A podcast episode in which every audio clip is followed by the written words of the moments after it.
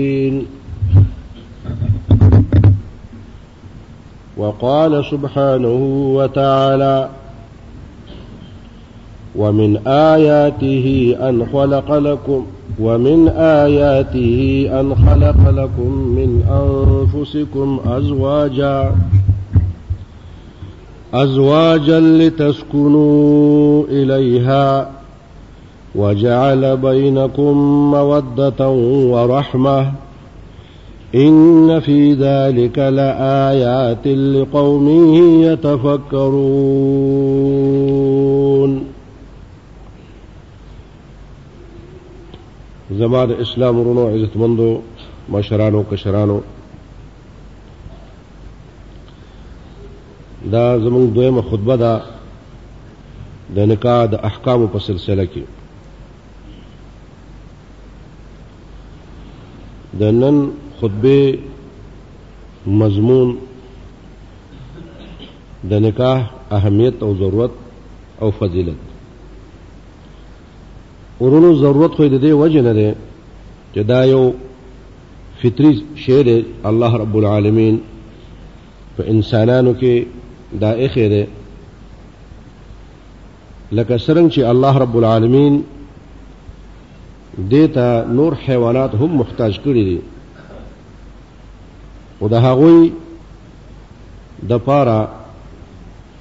هغه احکام نشته دی کوم رب العالمین چې د عزت او د عفت او د مهربانۍ او د خپلولۍ کوم احکام انسانانو د پاره مقرر کړي دي ځکه چې څومره چې د یو شي قیمت وي څومره مرتبه وي فضیلت وي هغومره د هغې د شان مطابق احکام وي الله رب العالمین انسان یو شریف مخلوق پیدا کړی دی یو عزتمن مکرم نو دا یې مکلف کړی دی په ډېرو احکامو باندې دغه احکام ټول د رب العالمین عبادت ته دغه احکامونه د نکاح احکام هم دي الله رب العالمین د نکاح په فضیلت کې او دغشانه د نکاح چې نکاح یو فطري شی دی او دې ته انسان کونی لحاظ سره محتاج دی قطع لحاظ د شریعت نه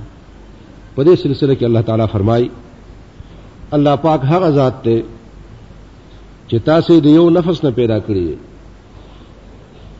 چې هغه آدم علیه السلام دی او بیا د دې انسان د پاره هم د دې انسان د جنس نه انسان دا غیر پاره جوړی پیدا کړی دا زوج اطلاق په نر او خزه دوړو باندې کیږي د خزه لپاره نر جوړی دا جوړه دا او د نر لپاره خزه جوړه دا د دې نکاح مقصد څه دی ليسكن اليها چې و جوړه جوړه بل جوړه تا اطمینان حاصل کی او آرام حاصل کی دا یو فطری شی دی او شرعي هم دی دا یو اهم ضرورت دی د انسان د پاره په دې حیات دنیا کې او په آخرت کې هم د آخرت په نعمتونو کې مو الله رب العالمین چې کله د جنتونو بیان کوي نو د خزو بیان کوي اهم نعمتونه پکې د خزو دي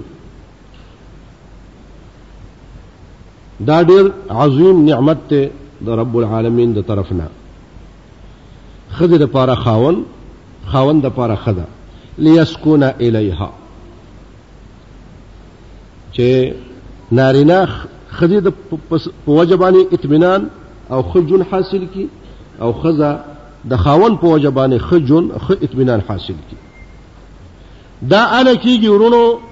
چې دا نکاح د شریعت پر رڼا کې رنګ وي دا زموږ نکاحونه چې نتیجه نه راوړي مګر ازغي او خوند نه پیدا کوي مګر تریخواله جوړواله نه پیدا کوي مګر بلتون محبت نه پیدا کوي مګر نفرت او عداوت نو د هغې اصل وجه دا ده چې زمونږ د مسلمانانو نکاحونه د اسلام په بنیاد نه دي یو خو ورکړه راکړه د دین په بنیاد نه ده مسلمانان سلام د الله لپاره نه چې یو بل باندې چې پیژنې نو سلام پیدا شي عالم په پلار تیریږي څوک هم په سلام نه شي چې پیژنې نو د کلي مشر سپین روبه سپین ګیره به په لاره تېرېږي څوک هم په سلام نه اچوي بلکې سپین ګیرو پورې خنداګانې کوي سلام الا یو بل باندې اچي چې پیژني دا خو سلام نشو سلام یو پیشکشی ده تحفه ده تحیه ده هدیه ده د ولد آدم او د سلام په احکامو کې یو دا حکم دی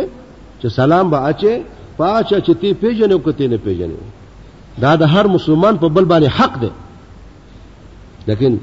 سلام هغه چې زموږ په کې تاوان نشته هغه مونږه د الله د پاره نه چو بلکې اله چو چې چا کړ تلی یو راغلی یو چانم چیس کړي روټه خوړلې چا را کړی څو اخو دې خو یارانه دوستانه نو السلام علیکم وعلیکم السلام او باج خو پکې اسلام چارو نه ورځي او یې خچاره او سلور چاره دا ټول د معرفت د دنیا جاه جلال په بنیاد نو د سلام نه تاسو اندازه ولګوي چې سلام اچول زموږ د دین په بنیاد نه دی نو نکاح غټه خبره ده لور خور ورکول دا خو د زړه ټوټې دي د زړه ټوکړه دا خو ډېره بعیده خبره ده چې دا یو سړی طالب العلم ته ورکي یو عالم ته ورکي یو خسري ته ورکي یو نیک انسان ته ورکي قتل حاضر دینه چې دا رنگ څنګه دی قتل حاضر دینه چې دا مال سره قتل حاضر دینه چې نسب سره ٹھیک ده نسب د پاره حیثیت شته د رنگ او نسلم اهمیت شته د مال دولت هم اهمیت شته خو اصل اهمیت د دین دی لیسکونا الیها او دی بل آیت کریمه کې فرمای دا خو سوره اعراف نهم سپاره کې الله تعالی فرمایلی دی یو سل نهم نه اتیایم او سوره روم کې الله رب العالمین دلائل پیش کوي د وحدانیت د ربوبیت دا د ربوبیت دلال چې پیش کوي قائم کوي په توحید اولوهیت باندې دا سره چې ربوبیت ثابت دی ربوبیت مخکې ثابت دی د رب العالمین هغه خلکو منل لري خو مخالفت کړی دی په توحید اولوهیت کې نو الله رب العالمین هغه مقدمه ذکر کوي چې هغه خصم او مخالف ته مقبول وي هغه په اعتراف او اقرار دی یو په دغه مقدمه کې یو مقدمه د نکاح ده او د زواج ده ځکه دا ټول انسانان مني نو الله رب العالمین داغه حکمت بیانوي ومن آياته أن خلق لكم من أنفسكم أزواجا د الله رب العالمین د قدرت او د ربوبیت د خالقیت د ادله او د براهین او د حجج قاطعون یو دا حجت ته چې تاسو د جنس نه او د نفسونو نه تاسو لپاره به بیان پیدا کړی دي د کې اشاره ده خبره ته انفسکم چې خزه ستا بدن ده ستا نفس ده او ته د خزه بدنې د دې وجنا خزه خپل خاون ته د مور پلارو نوم زیاته قریبه ده او خاون خزه ته لحاظ د زواج د مور پلارو نوم زیات قریب دی د کې شفقت رحمت مودت ملاو جوړښت اشاره ده خجون ته اشاره ده من انفسکم چې خزه ستالاسته او خځه ته وای چې خاون ستا لاس ته یو د بل شا او مخه یې یو د بل بستر یې نالې برستن یې توشک یې جسم دی یو جسم دی یو پریشانې بل پریشانې یو خفای بل خفای یو ته تکلیف شي بل ته تکلیف شي من انفسکم لتسکونو الیها چې تاسو دی ازواجو ته د ازواجو په وجه باندې تاسو ته اطمینان آرام خجل ملاو شي وجعل بينكم موده ورحمه او رب العالمین ستاسو په منځ کې دوستی او شفقت غورځولې ده رحم دا مودت دوستی او رحمت رحم کول مهرباني کول دا جدا صفاتونه دي کله کله انسان چې په سپی باندې رحم کوي خو سپی سره خو دوستی خو نه معلومه شو چې مودت محبت جدا صفت ده دیو جن رب العالمین په صفاتو کې ودود راځي ودود جدا صفت ته دوستی او هغه جدا اسم اسم حسن ده او رحیم رحمت جدا صفت ته رحیم جدا اسم حسن ده ولله الاسماء الحسنى وجعل بينكم موده ورحمه الله رب العالمين استاذ په منځ کې دوستی او شفقت او مهرباني غرزولې ده نو د وعده د وجنه الله رب العالمین په معاشره کې رحم او دوستی پیدا کړي د دې وجنه د خزي خپلوانو ته دا ذوی الارحام ویل کیږي او ذوی الارحام چې میراث وړي نو اړه وړي چې عصبه نوي یعنی د نسب خاوندان او چې عصبه موجود وي بیا غي میراث نشي وړي چې عصبه نه انساب نه نو بیا ذوی الارحام میراث وړي ذوی الارحام ته دی وجه نه وایي چې هغه قبيله د دې یو خزې په وجه باندې دی بلې قبيله سره وګڼډل شو نو دا خو به اله کېږي چې دا واده او دغه نکاح د سنت مطابق وي اله په کې دا دوستي او محبت پیدا کېږي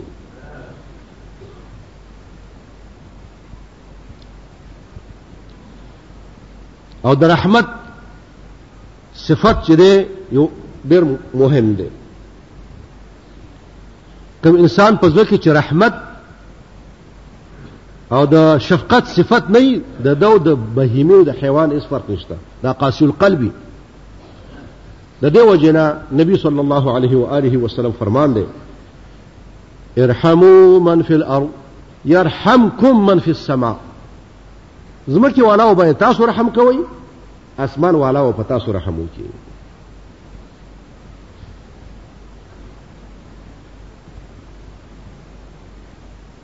او الله رب العالمین فرح والا سړي باندې د دې وجه نه رحمت کوي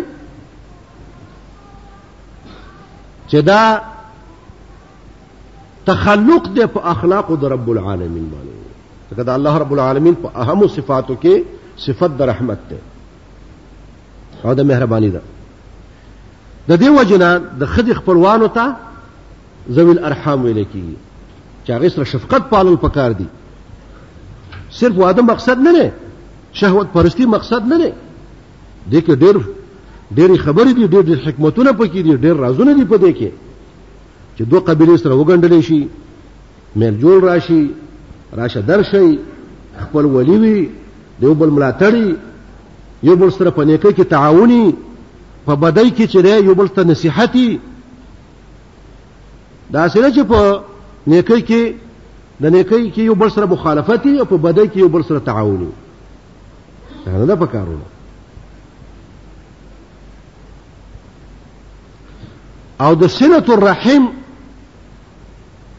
خاصتا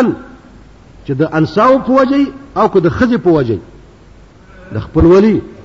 د دې دومره اهمیت ته چې سیل رحمی قطع کول ګناه کبیره ده او نبی صلی الله علیه و آله وسلم فرمای چې سیل رحمی لاړه او عرش سره فی رب سره فریاد وکړو او رب العالمین د حق ونیو حق و انسان کې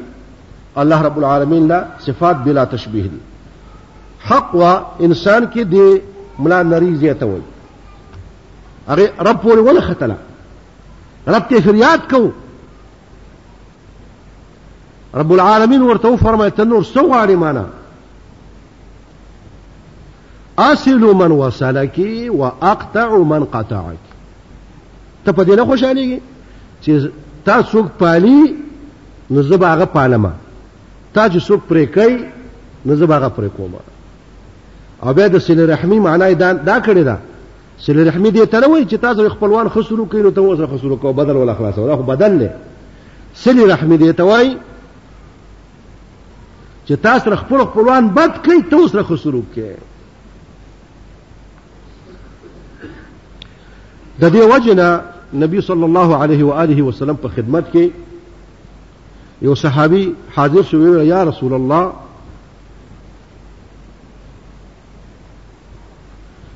زما یو ورور دی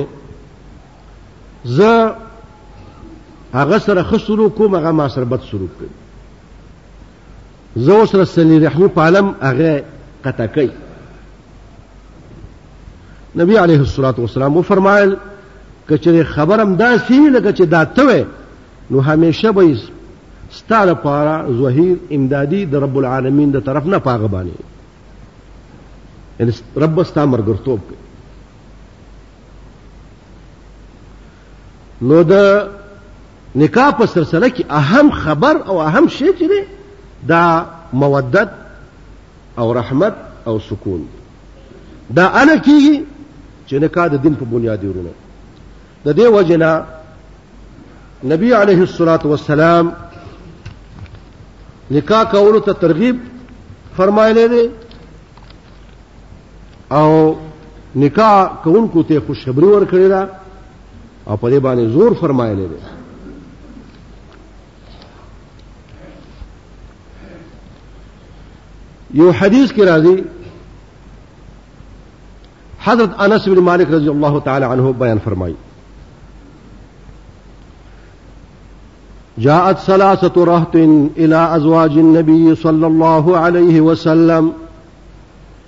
يسالون عن عباده النبي صلى الله عليه وسلم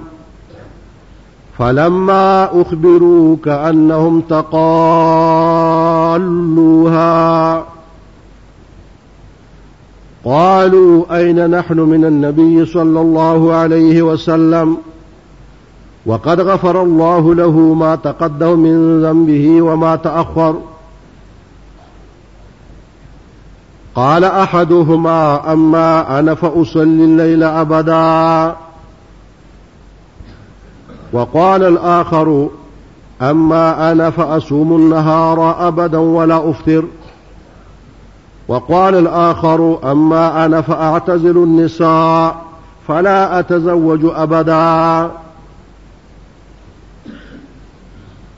فلما أخبر النبي صلى الله عليه وسلم قال أنتم الذين قلتم كذا وكذا فوالله إني لأخشاكم لله وأتقاكم له ولكني أصوم وأفطر وأصلي وأرقد وأتزوج النساء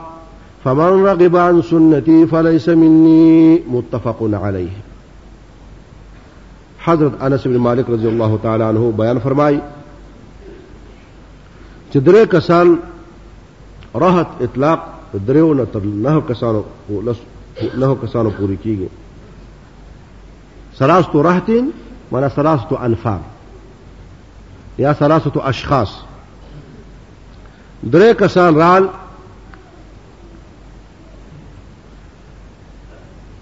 هغوی د میاندو بیبیانو نه امهات المؤمنین نه د نبی صلی الله علیه و آله وسلم د عبادت طریقه زده کوله تپوس تپوس کو په دې جذبه رال دا جذبه باندې رال چې د نبی علیه الصلاۃ والسلام د عبادت څخه طریقه را د شپې د ورځې کور کې څه طریقه ده چې موږ هغه طریقه اختیار کو دا جذبه وسره وه موږ سره دې خبرو جذبه شته چې موږ چېرته سفر وکړو چېرته لاړ شو چېرته د دین تپوس وکړو انما شفاء العي عي السؤال علم هم دې باندې حاصلېږي نو کله چې هغه خبر شو بی بیان ورته و فرمایل چې نبی صلی الله علیه و آله وسلم دغه طریقه ده چې د شپې څه حصہ کې خوب کوي څه حصہ کې تهجد کوي او کله روزه نسی کله کوجه کوي بوزه کوي روزه ماتي او خزم په نکاح باندې اخلي ودونم کوي یا عام انسانانو غوند انسان دی د دنیا احکام په سر سره کې رب العالمین انسان پیدا کړی دی تاسو د جنس نه دی دا کارونه تاسو چې کوی هغه هم کوي دا خبره چې دوی واورې دا د دوی دا خیالو چې دا پیغمبر چینو دا بس بل بل شانته شي پیغمبر خو به سره چې د بیبیانو سره علاقه نه او د شپې به چر چرته خوب هم نه کوي او هم داسې به روژي هر کله چې دوی په دې باندې خبر شو کأنهم تقالوها لاسونه یې لکه خورم به کأنهم تقالوها لکه چې دوی لکه چې دوی د نبی علیه الصلاۃ والسلام دا عبادت کم وګڼو چې دا خو لګ دی لکن به ول عذر پیش کو چې عبادت خو کم دی خو نبی علیه الصلاۃ والسلام ډیر عبادت ته ضرورت نه لري ځکه وقد غفر الله له ما تقدم من ذنبه وما تأخر نبی علیه الصلاۃ والسلام ته الله پاک مخکنی ورستنی ګناونه ټول معاف کړی دي کم کسان چې غولو کوي په عصمت کې نو دا حدیث په هغه باندې رد ده نبی صلی الله علیه و آله وسلم په نسیان باندې خطا باندې چې وکاټ وشي هغه باندې اطلاق د زم په احادیث کې وارد دي دې ته زم نه ویل دا غلو دا دا سوء ادب دی چې کتاب او سنت کې لفظ راغلی و غیر سره استنکاف کوي پوزه تروه تروه کوي وای زه خو ادب کوم دقه به ادب دی او په دې مسله کې د شیخ الاسلام کلام دی او قاطع نصوص دي نصوص دامغه قاطعه دي چې د داسې مغالونو اعناق چې کوم دی او دابیر کټ کوي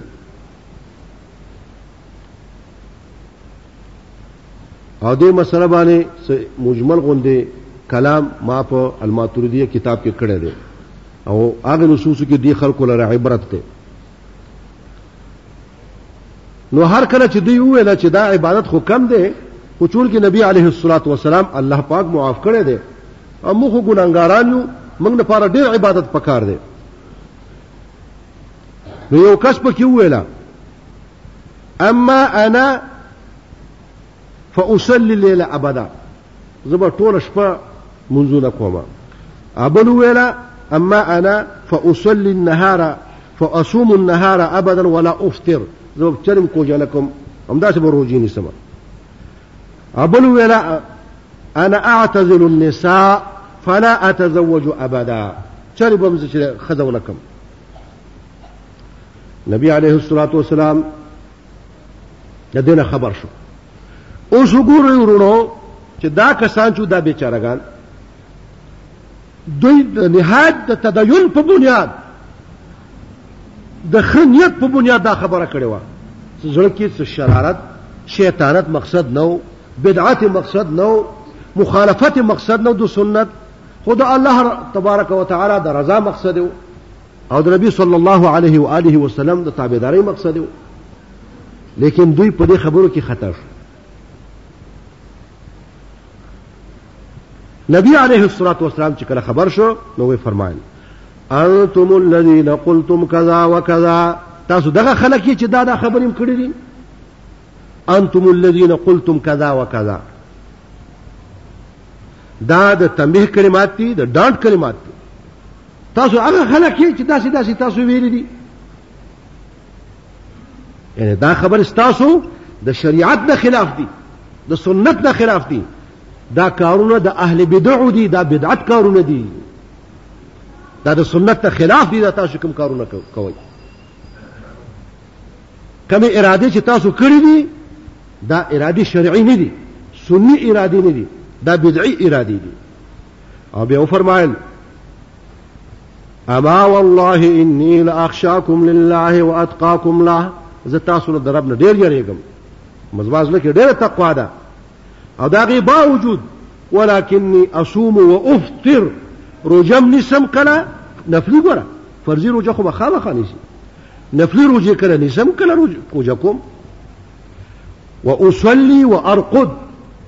د شپې څه حصہ مونږ کوم څه حصہ خوب کوم واتزوج النساء او خود سره نکاح کوم فمن رغب عن سنتي فليس مني چا چې زما د طریقې نه مخ واړو هغه زما نه نه دی زما په طریقه نه دی دلته کې د سنت مراد هغه مصطلح سنت نه دی چې کوم چې متأخرین فقها ویلي دي چې د مستحب نه په بره او د واجب نه کته دا خورستنی اصطلاحات دي د سلف الصالحین مصطلحات په متأخرین او فقها او مصطلحات باندې حملول دا تحریف دی د نصوصو دلته کې د سنت مراد شریعت د نبی صلی الله علیه وسلم مراد دی سنت د پیغمبر صلی الله علیه و آله وسلم په اصطلاح کې او صحابه او په اصطلاح کې په دې نصوصو په اصطلاح کې سنت اعم ده د هغه اصطلاح نه چې کوم په هغه باندې اصطلاح شوی په نزد متأخرینو دا اصطلاح عامه ده دا شامله ده فرض ته هم ټول شریعت ته شامله ده لکه لکه قران کریم کې کله کله سنت اطلاق په کون باندې کیږي سنت سنت الله التي یعنی کونی امور چاله عذاب ورکول چا باندې مصیبت مسلط کول زلزلې مسلط کول څوک په بو کې غر کول چا به کارو باران کول دا د الله سنت دی یعنی دا د الله کون دی طریقه ده دا کونی ام...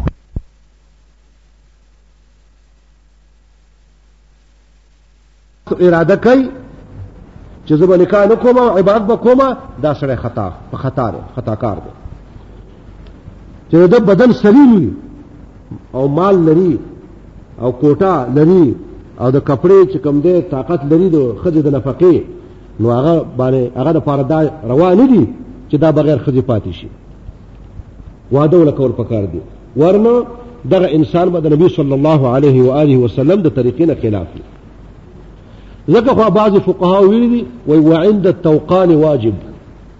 نو باز قمقل پکې را پاسي وای پولیس د امام توقان سه واجب دی نه توقان امام امام نوم نه دی توقان معنی حاجت ضرورت چې کوم انسان کې الله پاک یې خیره ان توقان په وجود په وخت کې چې انسان سلیم الاعضاء او بیا د خځې حق پوره کو پوره کول شي نو په دغه وخت کې نکاح به ضروری ده واجب ده فقهای حنفی او په نسبانه بل یو حدیث نبی صلی الله علیه و آله وسلم په دې سلسله کې وارد دی عبد الله بن مسعود رضی الله تعالی عنه بیان فرمای چې نبی علیه الصلاۃ والسلام فرمایلی دی یا معشر الشباب من استطاع منکم الباءة فليتزوج اے د ځوانانو ډلې دا خزو تم خطاب دی نورو تم خطاب دی زلمو ته پیغلو ته ټولو ته خطاب دی کونډې تم خطاب دی طلاق شوی خزې تم خطاب دی یعنی چا چې ایم ایم ایاما سره خطاب دی ایم ایاما جمع د ایم دا ایم اطلاق په نرم کیږي او په خزه باندې کیږي ایم هغه چاته وای چې واده نه لري خو مخ کې واده کړي او کې نه کړي نروي او که خزوي یا معشر الشباب او شباب ذکر زکه وکړو چې دې کې د شيوخ نفي نفي نشته که سره ځوان نه پنځوس پېته اتیا کالو په عمرې په هغه چې واده کوي او طاقت لري کولی شي لیکن ځوان ځکه ویو چې ځوان د پاره خامخا کول پکار دی چې په خطا کې پرې نه وځي چرته اما بوډا چې دی داغه عمر ختم دی طاقت ضعیف دی کمزور دی نو احتمال پاغه باندې د زنا او د بد عمل کم دی اوله بوډا چې بد عمل کوي نو ټول عالم ورپورې خاندي او ځان که غلطي وکړي نو څه نسي اوس اګر چې شرعا عذر نه لري خو بیا خلک وایي ځوانو د دې وجه نبی صلی الله علیه و آله وسلم فرمای چې درې کسان ډېر مبغوز دي عائل مستكبر فقير متكبر یو سره دولت مري څادر په ځان نه لري ټوپې په سر نه لري پیزار په خپل نه لري په دې باندې پوه شئ او کور خلاصه کې سکے او بیا هغه لپاره څوک چې ول څور کوي پوزه تر وتر ور کوي تکبر والا او مالدار سره کې تکبر تکبر خو اصل ناجایز دی خو مالدار سره کې تکبر کې خو یاره پیسې وسره دي کړه نو مسكين سره فقير سره او تکبر دا نه برابر دي دا ډیر بعید دي ابعد و ابعد دا شر ملک کذاب د کلی سپین روبه مشر خان سے ملک سے وزیر اعظم سے صدر سے دا چې دروغ وایي کنه دا ډېر بې شرمي مولا سے مولوی سے خطیب سے محتمم سے مدیر سے الګا دا محتمم سے حقیقت یې دا کلمه ټیک نه ده دا محتم سے پکار دی دا حق کسان چې دروغ وایي دا ډیر عیب دی ابو سفیان رضی الله تعالی عنه کله چې د کفر په حالت کې وو هرقل سره دې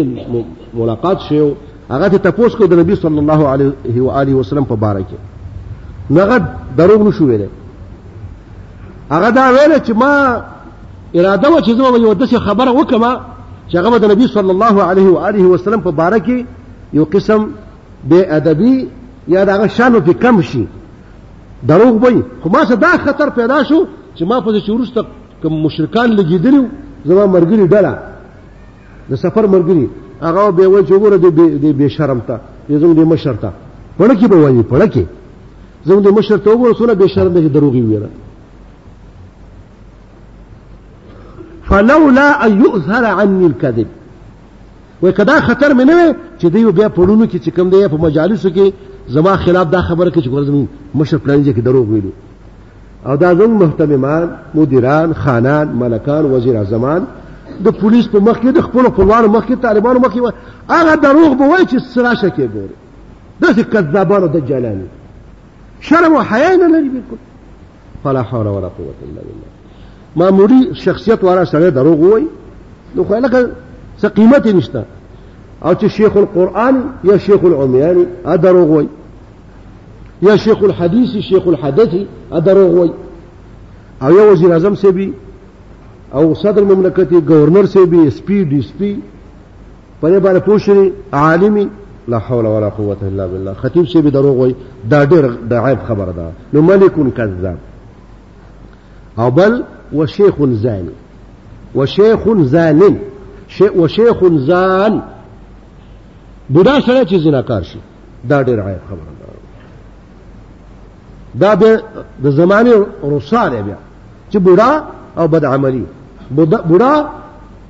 او بد کردار د دې وجنه شباب ته کې نبی صلی الله علیه و آله وسلم فرمایلی دی یا معشر الشباب اے د ځوانانو ډلې من استطاع منکم الباء فليتزوج تاسو کې چې څوک طاقت د باء لري هغه د واده وکي باء څه ته وایي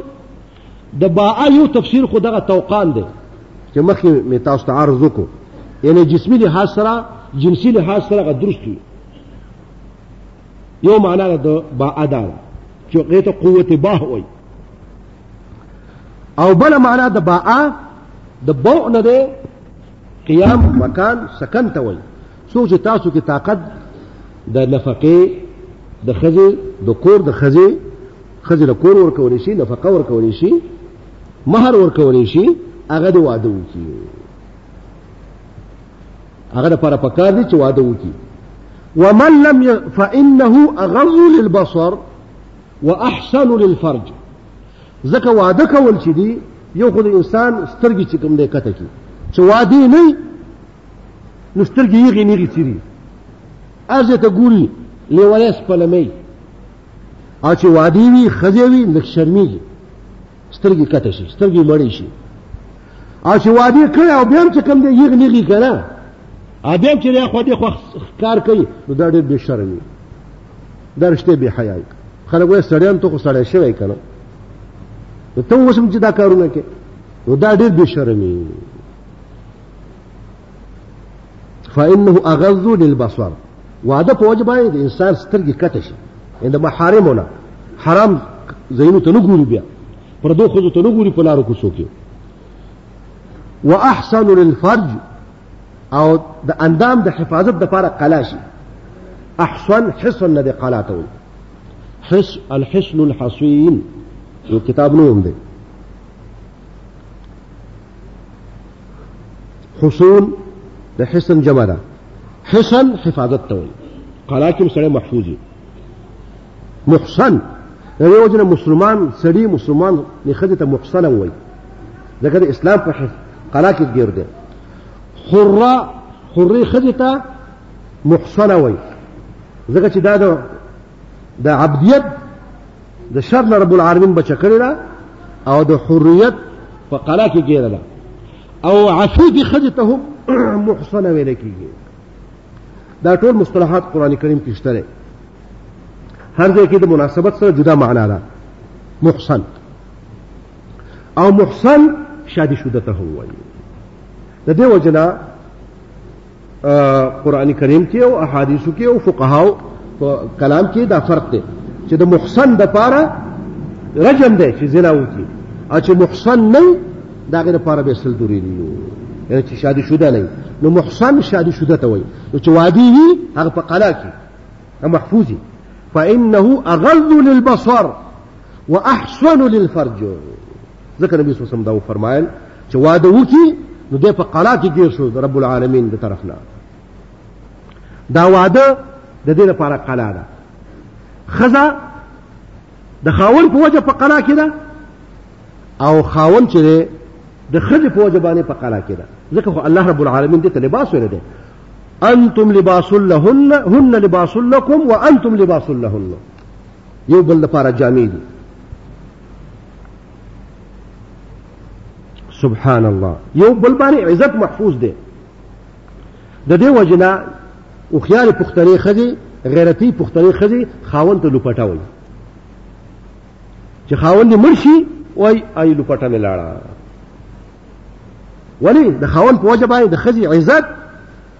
ابرو محفوظه ده چې ته ډول سنگار وکړي څوک ته نه وایي چې دا څه چل دی وکړو چې خاوند دی نه ا بیچاره چې تر انجام شي پوره کوي خلکو ته تعالی کوي وګور کنه دیتا د دې وجه نه دا د حیادارو خزو په زړه کې دا خبره نه استره او دا غي په جواب باندې دا خبرې دي چې خاون چې دی لوپټره د خزې لپاره او باجی وای خاون د خزې لپاره تاج دی لیکن عفیفی خزی پاک دامن نیکان شریفی دنن سبا بچنن خزی نه چې خاونه کاغه داري ډیر خاوندان یو پرده نه کوي هغه به په عفت او په حیا کې نه دغه شانه بد عمله ځوانان دوی ډېر خزي وکي هم هغه په د حیا او د عفت په کنټرول کې نه وي د دې وجه نبی صلی الله علیه و آله وسلم دا فرمایي دي دا یو ټکی جوامع الکلم دی په دې کې دریابونه دي په دې یو ټکی کې فانه اغض للبصر نه نکاح په وجه باندې نظر کته شي واحسن للفرج او د انسان بدن اعضاء د په قلا کې گیر شي ومن لم يستطع او کړه چا طاقت نه د نفقه او د سکند کور فعليه بالصوم بیا دغه روژه نیسي روژه دې نیسي بیا خزوي خاون دی نه او یا زلمی خزې نه وي طاقت نه وي روژه دې روژه دې به ونیسي فإنه له وجاء ځکه دا روژه چې ده دا د انسان کې چې کوم هغه زهرینه ماده الله رب العالمین اچولې ده توقان هغه ماتې دغه کسر کوي نو انسان بیا په کنټرول کې وي خپل ځان بیا په قابو کې وي روزه خو روزه هم هله روزه چې سنت مطابق دا سره چې ټول ورځ کورې خوري ته چې غیبتونه او شر او فساد کوي او ما خام څنګه درې ډلې روټه وکړي او یو چاټي وبوس کی اوبه چې ما خام مزم ته تلې یو مسخوتن کله کړه کله نه کړه ستاسو متو سره پاتې نه هغه روزم نه اخو بیا کله به ته پوره کوي دا علاج نبی صلی الله علیه و آله وسلم خودره دی په دې کې شاهد دا دی یا معشر الشباب من استطاع منکم الباعه فليتزوج دا صيغه د امر ده معلومه دا شو چې د زواج د واده نهایت اهمیت په اسلام کې یو بل حدیث ورونو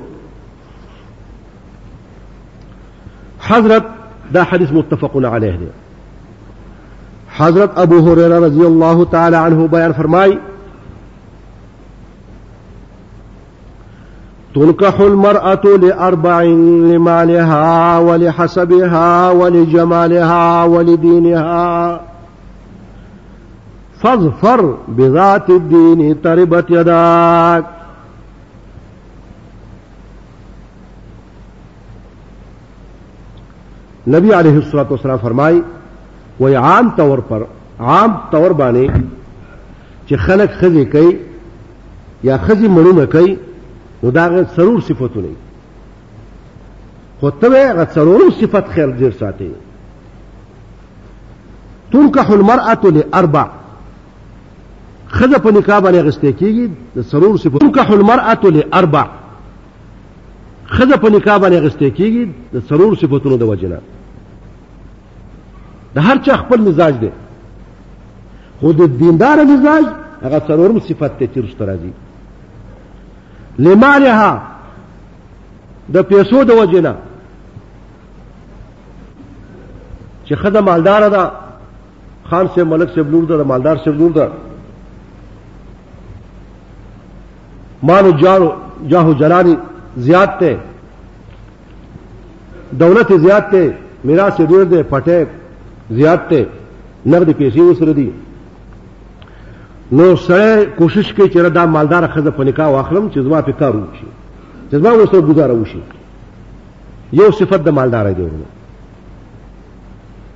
ولحسبها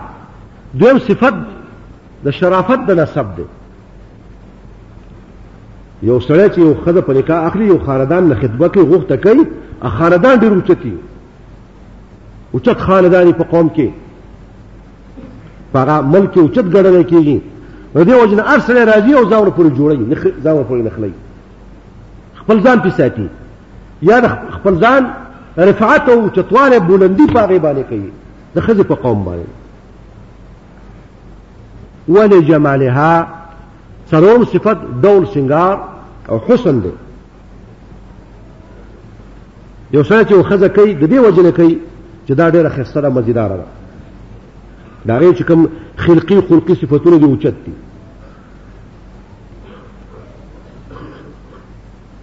څلورم صفت ولی دینها د دین په بنیاد ډېر خلک دي ا د خځې نور صفتونو ته خیال نه بس مال ته خیال ډېر داسې دي چې مال هم پروا نه کوي نسب پسې ځي وای خپله قبیله کې به کوم او بله قبیله کې نه کوم یاره فلانې قبیلې نه به کوم فلانې نه به نه کوم دا ټول جاهلیت دی ورور او بعضې داسې چې صرف جمال پسې ځي وایي ښکلي دي نو غلطه دي خو چې ښکلي سبحان الله دا دریم صفت دام د دا جاهلیت خوی دی ولدینها دا صفت مهم دی ورونو دا مزاج د دین والا انسان یو انسان چې وخذ کوي د دې وجه نه کوي یو قوم نه خور لور غواړي یو پلار نه یو ورور نه خور لور غواړي صرف د دې وجه چې خاندان دیندار دی هغه کې دین دی هغه قران حافظ ده هغه حدیث ویل دي علم یې کړی دی علم باندې عمل دی دیندار ده اخلاق خدي حیادار ده عفیف ده من الغافلات المؤمنات ده د دنیا د بدعتونو د خرافاتونو د شر فساد نه غافل ده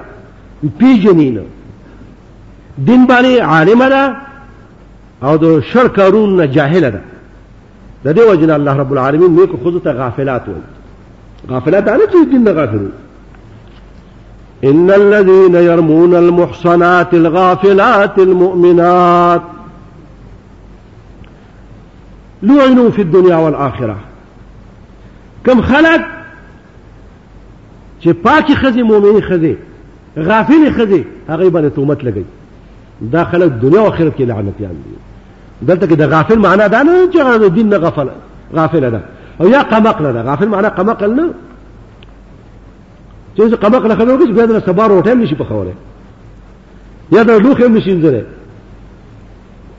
او زم تر دې جوړ کول بیا ته سبا جاړي نه غافله معنا چې د شر فساد نه غافله ده او دینداري کې خو خیرته پکار ده دیندار ده داغه مور پلار دیندار دي داغه ورونه دیندار دي دا ولی اوس دا دینداری صرف جنې چې دیندار دا کار نه ور کوي دا کافی نه ده ځکه څه چې دا جنې په نکاح وکړي او دا دیندارې او مور او پلار ټول بد عملی نو سبا دې کې مرګ جون راځي تل راتل راځي ته به هغې سره جون څنګه کې هغې د منکر خاوندان دي هغې کې که غم راغی هم به پکې خرافات کوي د جاهلیت کارونه به کې کوي نو که نه ورځي نه شریکېږي هم شر او فساد دی هغه خفه کیږي او سب به سبا ګیلې کوي او کو ورزي الله رسول الله راځي کیږي د دې وجه نه ورونو دا ضروری خبره ده چې دا چې خلکو سره خپلولي په کار ده چې جنې هم دیندارای خدا غ جنې متعلقات چې دي رشتہ داران پلار مور دغه شانه دغه غاورونه خاصتا قریبی نسب والا چې ستا د هغې نه روغتون نه کېږي بېلتون دې ترې نه کېږي چې هغه خو کم از کم دیندار وي که نه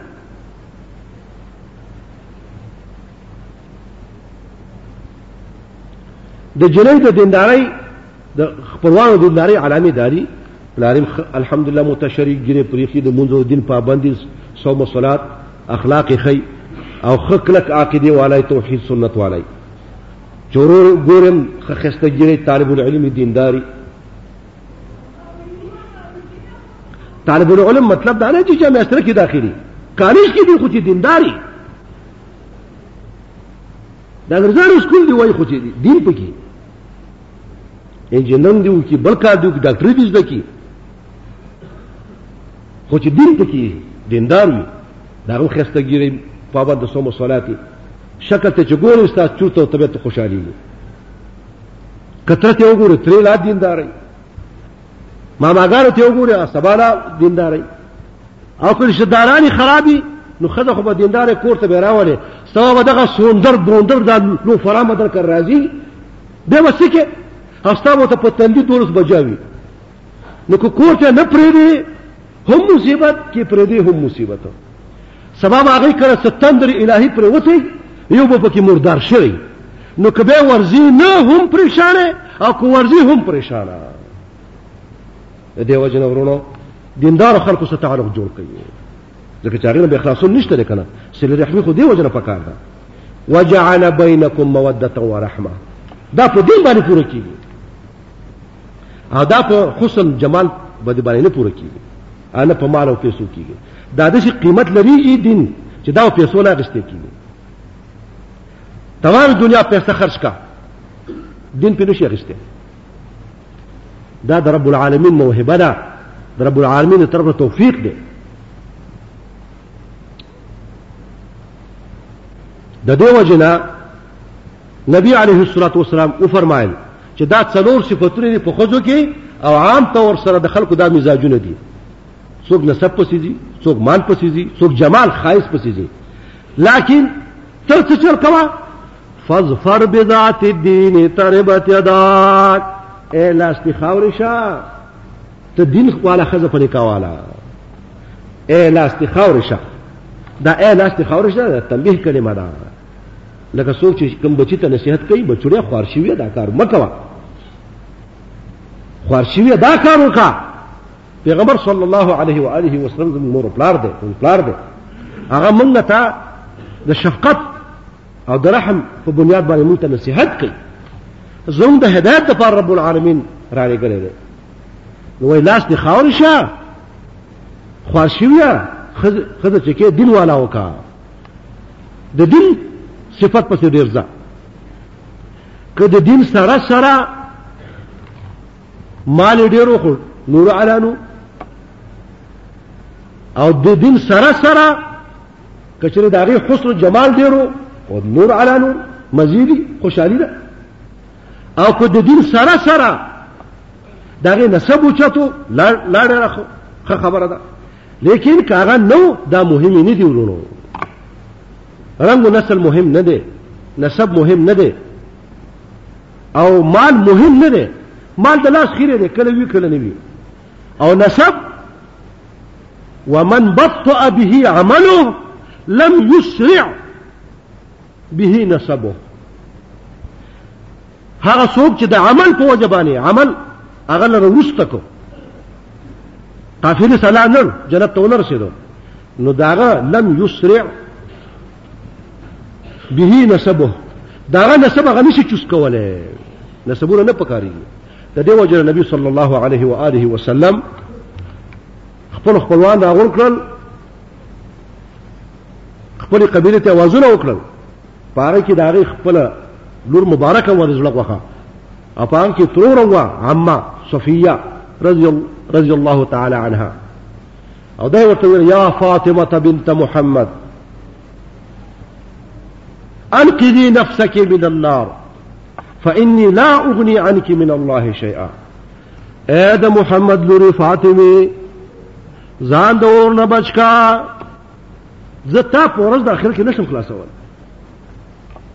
دې وجه ورو نسب نه پکاريږي دغه شانه الله رب العالمین د نوح علیه الصلاة والسلام او داغه د زوی په باره کې وای ان شاء الله باقی خطبه با آینده ای وصلی الله وسلم على خير خلقه محمد وعلى آله وصحبه اجمعين هر قسم اسلامی کیسټو د ملاویدو پتا یاد ساتي ایوب اسلامی کیسټ مرکز د قصه خوانی بازار شاته پیښور خار